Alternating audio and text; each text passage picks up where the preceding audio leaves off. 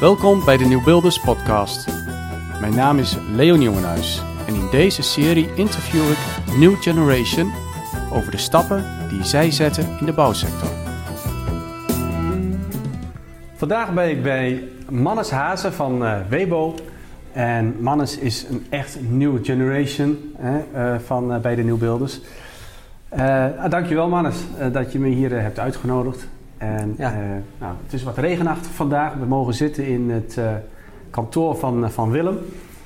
Um, ja, een jaar ben je nou geloof ik bij de Nieuwbuilders? Ja, iets, iets langer dan een jaar nu, ja. ja Leo, ook bedankt dat je me in ieder geval bestempelt als de New Generation. Dat is een soort verering al natuurlijk.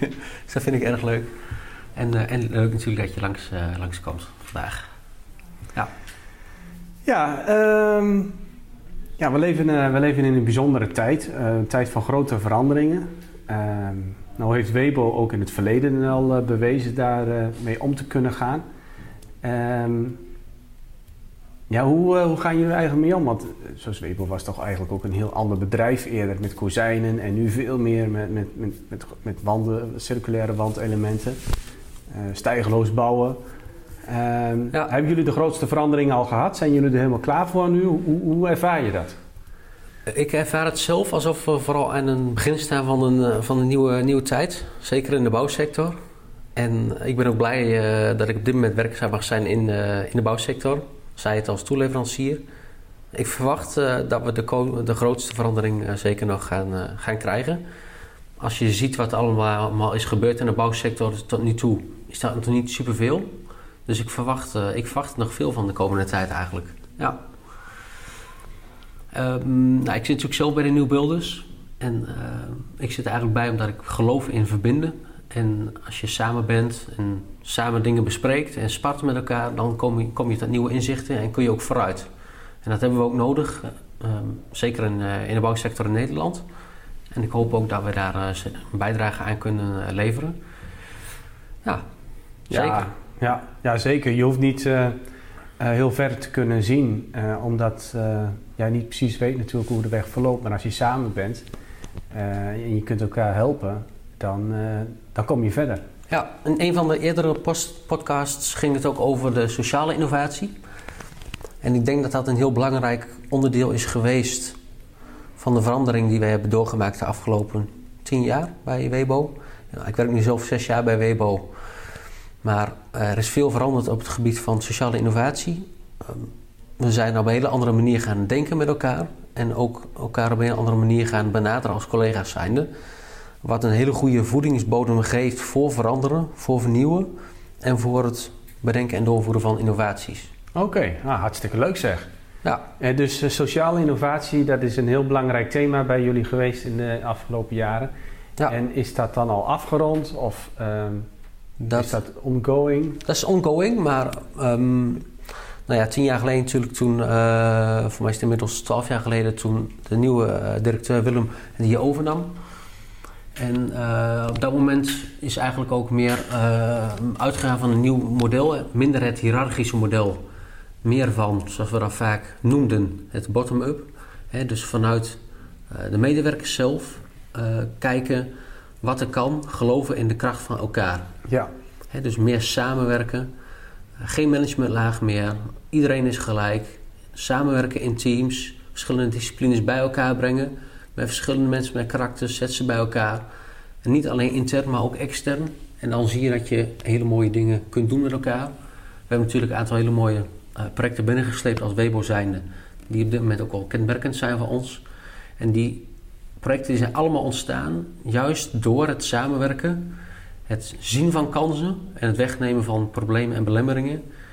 Ja, en doorgaan met elkaar. En positiviteit erin houden. Ja. ja.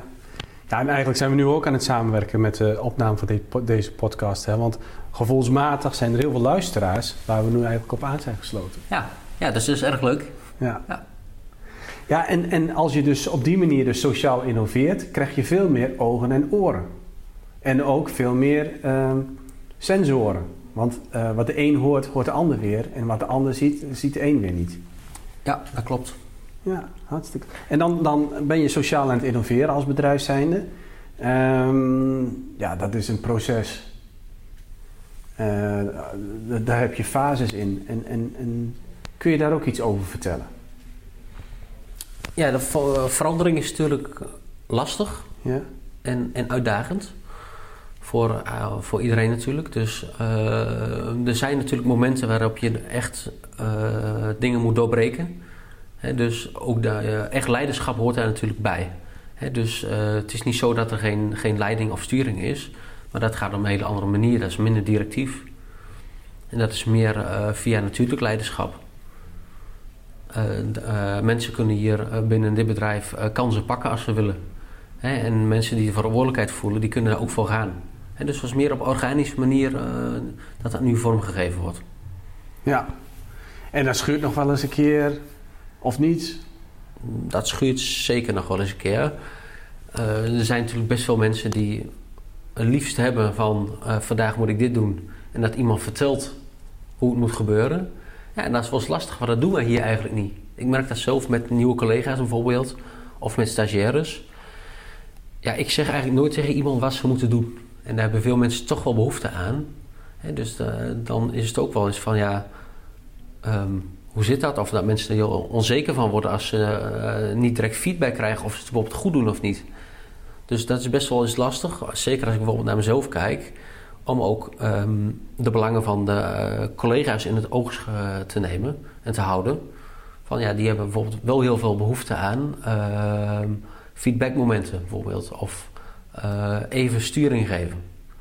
Dus dat, dat schuurt nog wel eens, dat is nog wel eens lastig. Ja. Als ik naar mezelf kijk, ja. Ja, ja, ja. Ja, uh, want, want, wat doen jullie precies met Webo? He, je hebt natuurlijk kozijnen, maak je, uh, gevel, gevelelementen. Ja. He, maar hoe, als je nou jezelf heel duidelijk neerzet, wat, en, en wat is jouw rol daarin? Ja, als ik nog heel even mag terugkomen, Leo, op de voorgaande vraag eigenlijk. Als het echt zo schuurt... Ja. Ja, als je op een gegeven moment, als iedereen echt uh, maar uh, vrijheid, blijheid en kan doen wat hij wil, uh, dan kan het ook wel zo zijn dat iedereen hè, meer op zijn lauweren gaat zitten. En waardoor je eigenlijk ook niet meer voor uitkomt. Hè? Dus het is ook wel belangrijk om mensen gemotiveerd te houden natuurlijk. Om wel ehm, voortgang erin te houden met elkaar. Om resultaten te bereiken. Ja. En dat is best wel een belangrijk spanningsveld. Aan de ene kant wil je mensen zoveel mogelijk vrij laten. Hè, en uh, niet opdragen, maar echt ook uh, bottom-up vanuit de mensen zelf laten komen. Aan de andere kant moeten we als organisatie natuurlijk wel voor zorgen dat we wel doelstellingen halen en uh, realistisch blijven met elkaar. Ja. En dat, dat, dat is een leuke uitdaging. Ja. Je hebt wel de kaders nodig, zeg maar, ja. kaders van vrijheid. Ja, zeker. Ja, dat is, ik denk dat je dat goed, ja. goed stelt. Net als op een voetbalveld. Ja. Ja. Ja. Ja, dat je lijnen nodig hebt en spelregels, maar wel de nodige vrijheid waar ieder in, in een rol samen het spel kan spelen. Ja. ja, ja, ja. hey, en nou ja, jullie, uh, jullie maken kozijnen, uh, maar vooral gaat het uh, steeds meer en meer over complete wanden en, en gebouwen. Mm -hmm. en, en wat is jouw rol daarin? Mijn rol daarin is, uh, is, om te kijken van uh, hoe doen we het natuurlijk als organisatie op dit moment. Ja. En wat is de koers die wij gaan varen de komende jaren. En ook om die koers te, te implementeren natuurlijk samen. Maar ik heb daar een wat leidinggevende rol in. Om te, de visie te vertalen naar ja, dagelijks bestuur eigenlijk. Op die manier. Ik geloof zelf erg in twee ankerpunten die wij als organisatie kennen. We hebben een tijdje geleden de Golden Circle geïntroduceerd. Dat is een erg leuke, leuke methode. En in plaats van de missie en de visie hebben we nu dus de Golden Circle. En wij geloven heel sterk in als je beter bouwt, dat je beter leeft. Dus het gaat erom met elkaar dat je goede gebouwen maakt om in te verblijven. Want we verblijven eigenlijk het grootste deel van ons leven in gebouwen. En dus als we aan het werk zijn, zijn we vaak binnen. Als we thuis zijn, zijn we ook binnen. Dus het is van enorm kritisch belang eigenlijk om ervoor te zorgen dat de leefomgeving binnen dat dat een hele goede is. En wij denken dat dat, uh, ja, dat dat erg belangrijk is en we proberen ook continu eigenlijk daarin te verbeteren. En hoe doen we dat dan? Door het heruitvinden van processen in de bouw. En dus opnieuw kritisch te kijken van hoe doen we nu dingen in de bouwsector en waarom doen we bepaalde dingen in de bouwsector. En daar proberen we eigenlijk continu te verbeteren. Met als basis hè, dat je beter bouwt, dat je beter leeft. Ja, ja. Ja, fantastisch. En dat is dus eigenlijk zeg maar als New Generation waar jij dus een invulling geeft Ja, in een eh, organisatie als deze om op een, eh, een nieuwe en steeds vernieuwende manier ehm, nou ja, eigenlijk ruimte te geven aan, aan wonen. Ja, we leven in een eh, leuke periode waarin eigenlijk een kentering plaatsvindt. eh, waarbij we vroeger natuurlijk dachten dat het bouwen met hout, de kappen van bomen enorm slecht was. Waarbij we nu steeds meer zien en steeds meer mensen ook inzien dat het bouwen met hout natuurlijk fantastisch is. Dat het eigenlijk een heel goed biobased material is. Eh, die echt een lagere impact heeft hè, dan bijvoorbeeld werken met bijvoorbeeld beton. Dus dat is, dat is leuk. Is eigenlijk ik ben denk ik de eerste generatie die echt, echt gelooft in het bouwen met hout. En dat dat natuurlijk goed is. Ja, Ook leuk. ja, ja. Er hebben natuurlijk veel mensen ook jaren voor gestreden. Dus eh, die ben ik allemaal enorm dankbaar daarvoor. Nou, inmiddels is zo dat bijvoorbeeld eh, de hoeveelheid bomen in Europa... die groeit ook echt elk jaar. Dus dat is leuk. Hè, dus in Europa doen we daar echt goed. Het beheer van het bos. Eh, we kappen veel bomen. Veel van ons hout komt ook uit Europa. We hebben eigenlijk wel de ambitie dat al ons hout eh, binnenkort uit Europa komt.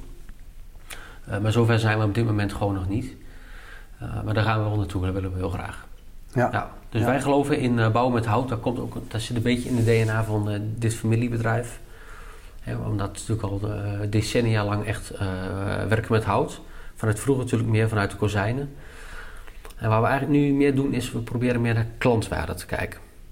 Dus ehm, eh, hoe kunnen we nu veel van, eh, klantwaarde toevoegen voor eh, onze klant? Dus vroeger, het bekende voorbeeld van, van Willem is altijd... Oké, ja, vroeger zat in een kozijn, zat in een vliegtuig en in een tram en in een auto. Die zitten er allemaal niet meer in, omdat we die niet meer nodig hebben. We hebben nu nog wel bijvoorbeeld houten kozijnen in onze gebouwen zitten. Maar ja, die zijn eigenlijk helemaal niet meer nodig. Het is eigenlijk een heel gek product. Want klanten zijn eigenlijk op zoek naar bijvoorbeeld daglichttoetreding. Ze zijn op zoek naar veiligheid, dat mensen niet in kunnen breken. Maar niemand is eigenlijk op zoek naar een kozijn. Dus zo proberen we ook kritisch naar onszelf te kijken en naar onze eigen producten. Hm, waar zijn we nu eigenlijk mee bezig? Dus daar is eigenlijk ook ehm, het product uh, wat we nu verkopen, eh, uit voortgekomen. Dat we zeggen, oké, onze klanten zijn heel druk met het bouwen van stijgers. En zijn heel druk met het metselen van, eh, van steentjes en stapelen van steentjes op elkaar. We zien eigenlijk dat dat en heel veel tijd kost. Eigenlijk ook een hele grote negatieve impact hebt, heeft op onze natuur en op ons milieu. En dat kunnen we eigenlijk beter doen. Dus we, verkopen nu gevels waarbij dus klanten heel snel hun gebouw eigenlijk dicht kunnen zetten. Dus een veel snellere bouwmethode, een lichtere bouwmethode en heeft veel meer potentie. En op die manier proberen wij meer klantwaarde toe te voegen. Dus dat is erg leuk. En eh, inmiddels eh, neemt dat steeds serieuze vormen aan in de organisatie. Durf ook wel te stellen, als wij niet zouden, zouden hebben geïnnoveerd de afgelopen vijf jaar, en dat we er op een gegeven moment ook geen bestaansrecht meer hebben. Dus alle kleine timmerfabriekjes die eh kozijnen blijven maken, op termijn eh, verliezen die bestaansrecht. Ja. ja. En zie je dat ook al om je heen, eh, dat dat zo is? Mm, op dit nog niet, omdat eh, het geluk is voor de eh, veel voor toeleveranciers dat de bouw relatief traditioneel is. Dus eh, die verandering die vindt niet heel snel plaats. Maar het is natuurlijk erg leuk om bijvoorbeeld te beseffen dat er de eerste gebouwen in Londen, in Amsterdam, in Scandinavië, ook bijvoorbeeld met een houten constructie gebouwd worden. Dat we dat ook aandurven met elkaar. Ja, ja. Ja. Ja, en ik, nou ja, ik, ik, ik kan me goed voorstellen wat je zegt. Ja, dat is mooi. Ehm, dat je eigenlijk eh, helemaal eh, je richt op die toekomst en daarop anticipeert. Eh, je bewust bent van, van de verandering die er is in de markt, waar, waar eerder houtbouw eigenlijk als een soort van ja, negatief werd gezien, want dan tast je het, het woud aan. En, en nu eigenlijk juist als positief, omdat je het heel bewust doet. En op die manier, ja, dat je CO2 opslaat. Ja, Ja, Zeker. Dat heb ik niet eens genoemd, maar dat noem je al zelf, Leo. Deze is toch fantastisch. Het opslaan van CO2. Ja. dat doen we gewoon met bouwen met hout. ja, Ja, dus dat is erg leuk. ja. En, en, want, da, want daar heb je wel heel veel energie op, merk ik. Ja. Is dat, als je hem nou eens persoonlijk maakt dan, is dat, is dat eigenlijk wat, wat jou ook drijft? Ja, ik ben iemand die heel erg verbonden is met de natuur. Van vroeger uit al, vanaf toen ik kind was. Dus dat is echt wel iets wat ik heel belangrijk vind. Ik vind uh, het belangrijk om verbonden te zijn met de natuur. En in de film bijvoorbeeld van David Attenborough, hè, van twee weken geleden, die is uitgekomen. Die laat inderdaad ook wel zien, nou, we, we zijn een beetje die verbondenheid met de natuur natuurlijk verloren. De afgelopen decennia. we hebben eigenlijk, ja, we zien wel een boom ergens staan, maar we, we begrijpen eigenlijk niet meer waar ons voedsel vandaan komt. We hebben geen enkel idee meer wat er gebeurt met onze planeet. Nou, ik vond het vroeger heel leuk bijvoorbeeld om met biologie eh, bezig te zijn en dat soort dingen. Dus ik vind het fantastisch dat wij natuurlijk nu eh, bezig zijn met echt een natuurproduct. Ja, echt een biobased material. Ja, ja. Dus uh, dat is wel leuk. Vroeger wilde ik eigenlijk nooit in de bouwsector en het leek me eigenlijk niks. Maar ja, je, je komt er toch zo mee in aanraking. En uh, ja, het is toch leuk om uh, bezig te zijn in een relatief um, ja, innovatieve organisatie. Dat is voor mij belangrijk. Maar ik zoek eigenlijk vooral uh, in mijn werk uh, geluk. Ik vind het belangrijk om gelukkig te zijn. En dat is eigenlijk mijn belangrijkste drijfveer. Hè? Dus uh, waardering vinden bij collega's. oprechte waardering hebben. zien dat wat je doet, dat, dat mensen daar blij van worden. En daar kom ik eigenlijk voor naar mijn werk. En zie je dat ook heel veel terug bij leeftijdsgenoten van jou? dat die vooral op zoek zijn naar gewoon van, naar levensgeluk? Mm, ja, mm, dat vind ik een lastige vraag. Nou ja, um, toen ik zo oud was, uh, ik denk dat ik weet niet precies hoeveel ouder ik ben, uh, ik denk zo ongeveer 15 jaar. Uh, hoe oud ben je? 28. Ja, nou, dat, iets, iets 17 jaar dan. Maar ja. laat ik zeggen, toen, toen, toen ik 28 was, ja, dan zag, zag de wereld er wel zo uit van am, meer ambitie en een goede baan en geld verdienen. Maar dat, dat, dat is toch wel anders geworden. Ik denk dat dat zeker nog uh, veel, speel, uh, veel geldt voor veel mensen. Ja. Uh, de ambitie, carrière maken, dus daar heb ik zelf eigenlijk ook wel. Maar ik probeer dat wel meer te relativeren. dus um, alleen maar werken heeft geen zin, jongens. En dus probeer ook vooral op zoek te gaan naar waar je nu echt blij van wordt. Zeker als je jong bent, heb je er ook de energie voor. En dan moet je juist de tijd goed benutten. En waarom ben jij je daar dan veel, veel bewuster van uh, en ik destijds niet? Want ik, kan me, ik weet nog dat ik, dat ik daar minder op lette toen. Veel uren maakte. Uh, ja, ik geloof ook oververmoeid raakte gewoon ja. bij tijden. Ja. ja, nou goed, ik heb de afgelopen uh, tijd natuurlijk ook deeltijd gestudeerd. En dan op een gegeven moment kom je echt tijd tekort. En dan moet je gaan priori prioriseren. En dan denk je, ja, wat ga ik nou doen? Ja, ik wil natuurlijk uh, vooral uh, dingen doen die ik belangrijk vind. En op een gegeven moment, als je dan inderdaad in tijdnood komt, ja, dan ga je ook beter uh, waarderen waar je echt blij van wordt. En die momentjes, die pak je dan ook echt. En die beleef je dan veel intenser. Ik denk dat dat ook wel een van de redenen is dat ik daar wat meer op ge, gebrand ben en meer op geënt. Nou goed, dat komt natuurlijk ook door mijn achtergrond. Uh, en door de normen en waarden die, die ik heb. En dat ik zeg, nou, ik vind het belangrijker om, uh, om geluk na te streven. En voor mezelf en voor andere mensen. Ja, en, ja. en dat kan ik ook heel mooi doen hier bij, bij Webo. Um, omdat wij dat als familiebedrijf eigenlijk ook zo hebben. En we willen ook graag um, middels bijvoorbeeld industrialisatie en mass customization... proberen wij ook echt um, een bijdrage te leveren aan de maatschappij... door ook in de woningnood bijvoorbeeld uh, te voorzien. Ja, mass customization. De, dat moet je uitleggen. Wat is dat? Ja, dat is eigenlijk uh, niks spannends. Maar uh, iets wat je in de massa produceert, maar wat je toch specifiek hebt gemaakt voor klanten. En dus klanten hebben bepaalde wensen en ze kunnen bepaalde dingen kiezen, maar tot een bepaald niveau. Oh ja, ja. En dat, hebben we, dat is een fase die wij zelf natuurlijk heel bewust hebben meegemaakt hier bij, bij Weibo. is echt wel een verandering geweest. Het was redelijk gewoon in de bouwsector dat uh, onze klanten gingen vertellen wat wij moesten doen. En die bepaalden eigenlijk ook altijd hoe onze producten uit kwamen te zien.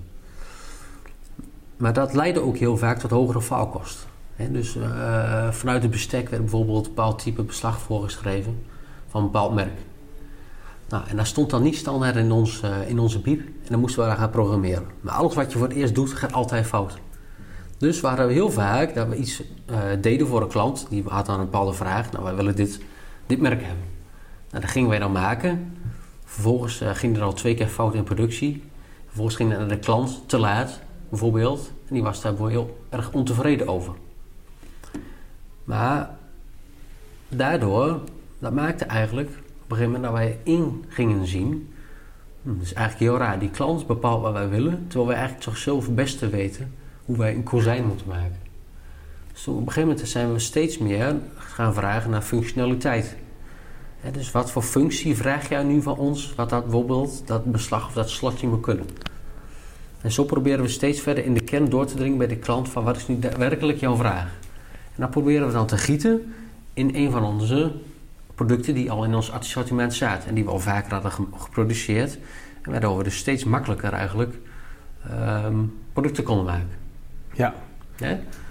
Dus op die manier zijn wij gaan geloven in mass customization. Hetzelfde als je bij telefoons en bij je, bij je Apple hebt. Je kunt wel een kleur kiezen, maar niet wat voor processor erin zit. Maar dus eigenlijk ook naarmate uh, er ook meer mogelijkheden uh, ontstonden om uh, nou, je, je, je, eigen product steeds meer een standaard te laten zijn, mm -hmm. kreeg je ook steeds meer geloof daarin om het zo te doen. Ja, op een gegeven moment gingen klanten ook zien, nee, dat werkt natuurlijk wel. He, ben je, ja, die ging toen klanten vragen natuurlijk in die uitvraag uh, om uh, daar wat ruimer in te zijn. Ja. Zodat je niet op elk detail eigenlijk zeg maar je moest aanpassen. Ja. ja. He, dus vanuit de bouwsector, hoe ik daar tegenaan kijk, is dat op een redelijk andere manier gegaan. Die zijn meer gaan standaardiseren. He, die zijn gaan werken vanuit standaard beukenmaten, die dan uh, afgestemd waren bijvoorbeeld op uh, dakpannen. Elders zie je dat, ja. Dus uh, dat, is, dat is veel gebeurd in de, in de bouwsector. Maar dat is natuurlijk iets anders dan dat je je ehm, product afstemt op je klantvraag. Dus op een gegeven moment, ik heb zelf stage gelopen ooit bij Groothuis, waar overigens is genomen door de TBI-groep. En die waren in de jaren 80, 90 enorm sterk in de gestandaardiseerde woningbouw. Dus die wisten precies wat in die woning zat.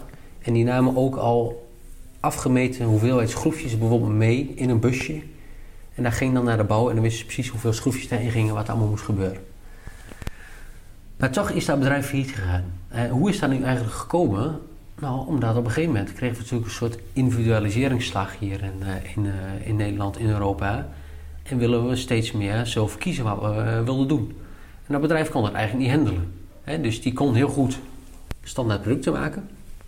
Maar die kon eigenlijk niet uh, die, die uh, veranderende marktvraag meer aan. En op die manier is dat natuurlijk helemaal misgegaan. Dus de manier waarop we dat doen met standaardisatie... Um, ja, dat is denk ik niet de weg waarop we moeten gaan. We moeten meer kijken naar andere industrieën, hoe die dat doen. Ik vraag mezelf altijd af, Leo, oké, als ik om me heen kijk wat zie ik om mij heen wat niet uit de fabriek komt? Nou, als we hier even rondkijken, die stoel die komt uit de fabriek, de laptop, onze kleding komt uit de fabriek. Behalve ons vastgoed in onze woningen, daarvan vinden wij het nodig om dat op de bouwplaats te doen. dat doen we on-site. Nou, dat is eigenlijk heel raar. En dat, uh, dat proberen wij nu steeds meer te doorbreken door middel van, dat noemen we natuurlijk industrialisatie. Dus we gaan minder doen op de bouwplaats, we gaan meer industrieel doen in een fabriek. En daardoor ontstaan steeds meer uh, mogelijkheden om producten uh, beter te maken. Maar ook bijvoorbeeld demontabel, waardoor ze ook weer meer circulair zijn.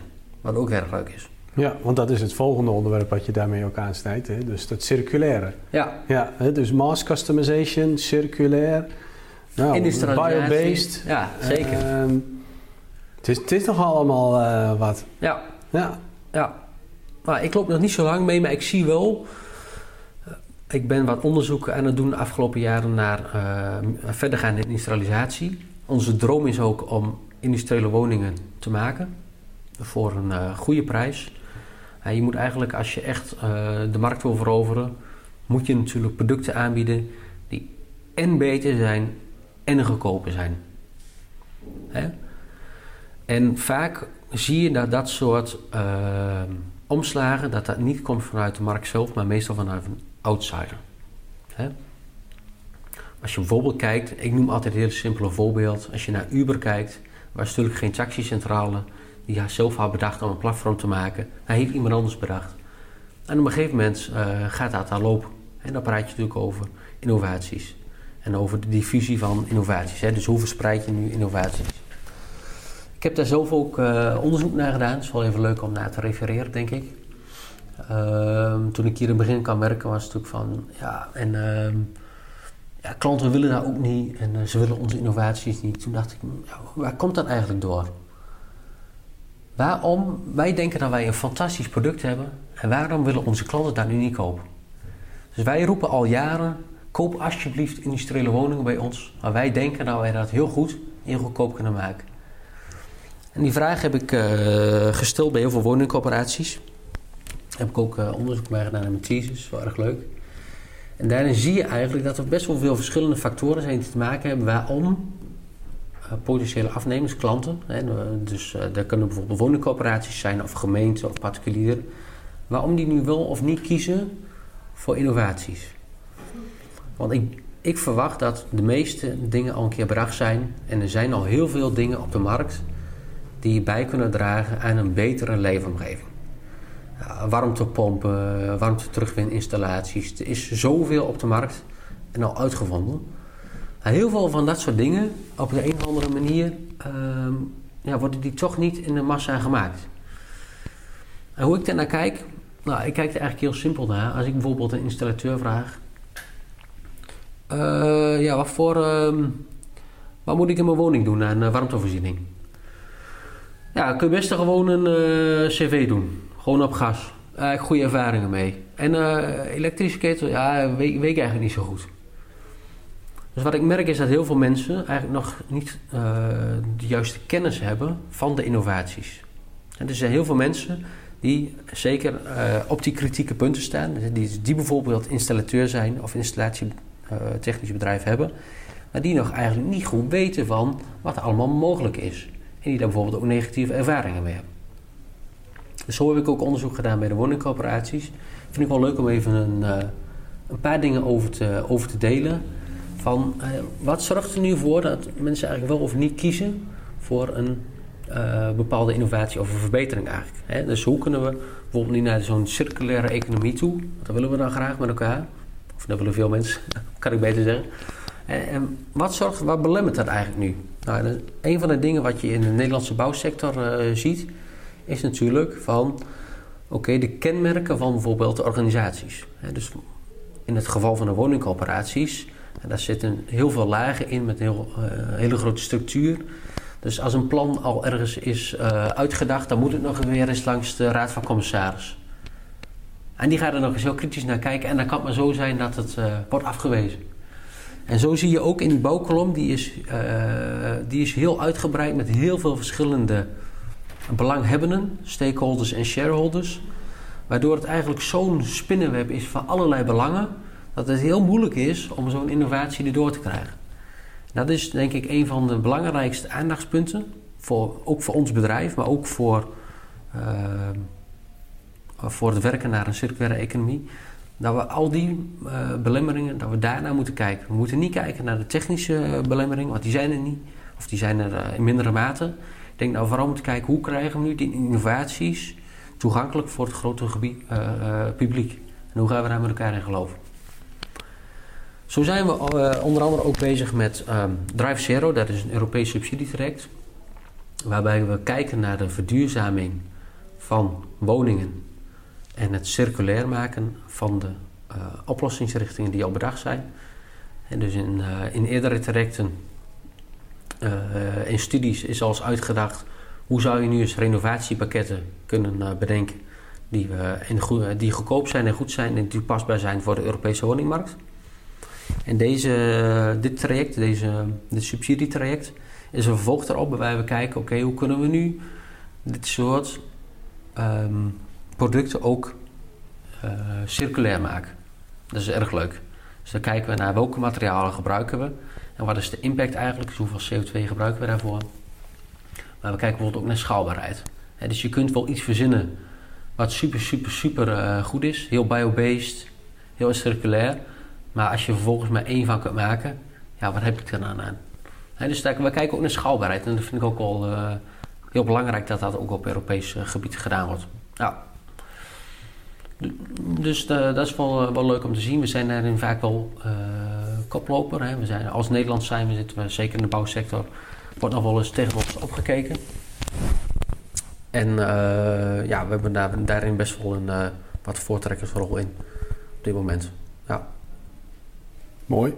Ja. Hou zo. Ja, hopelijk. ja. Nou, zo, zo heb je al heel veel verteld eigenlijk van jezelf en van Webo. Um, wat is eigenlijk nou de uitdaging waar je nu voor staat? De uitdaging waar, waar ik op dit moment echt voor sta is... wij willen graag industriële woningen verkopen. Maar we krijgen die eigenlijk niet weggezet bij onze klant. En uh, daar wil ik eigenlijk vandaag ook een oproepje eh, voor doen, Leo. Dat we zeggen, wie, wie helpt nu mij en wie helpt nu Webo om eens een, een, een project te doen? Kan zijn van vijf woningjes of van pilot. Om eens te kijken van, hoe gaan we nu echt woningen neerzetten die uh, demontabel zijn, die circulair zijn, die erop te meten zijn, maar die ook nog eens goedkoper zijn dan een vergelijkbare woning die je dus nu kunt kopen bij een, uh, bij een traditionele partij. Nou, bij deze is, uh, is de oproep gedaan. Ik zal, hem, ik zal hem nog goed naar voren laten komen. Dus heel goed dat je dat doet. Mannes, fantastisch. Um, ja, ik wil je heel erg danken voor uh, het inkijkje wat je hebt gegeven in, uh, in jezelf. Uh, in ja, hoe jij keuzes hebt gemaakt in je leven om op een gegeven moment jezelf aan die bouwsector te geven. En nou eigenlijk ook hoe op een gegeven moment binnen Webo er keuzes zijn gemaakt en waar de focus heeft gelegen op sociale innovatie. Mm -hmm. En hoe daar stappen zijn gemaakt en wat er allemaal bij hoort. Dat geeft heel veel beeld voor de luisteraars die daar mogelijk ook voor staan en nog niet helemaal goed weten hoe ze daarmee om moeten gaan.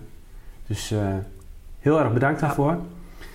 Ja, um, ja ik, uh, ik hoop dat we nog uh, heel veel elkaar mogen ontmoeten bij de Nieuwbeelders en leuke dingen mogen samen doen. Samen met alle andere nieuwbeelders. Zeker. nou ja, we hebben natuurlijk ons manifest waar ook duidelijk en concreet wordt aangegeven waar wij voor gaan bij de nieuwbeelders. Uh, dus maar goed, uh, enorm uh, bedankt Mannes. Ja, heel bedankt Leo.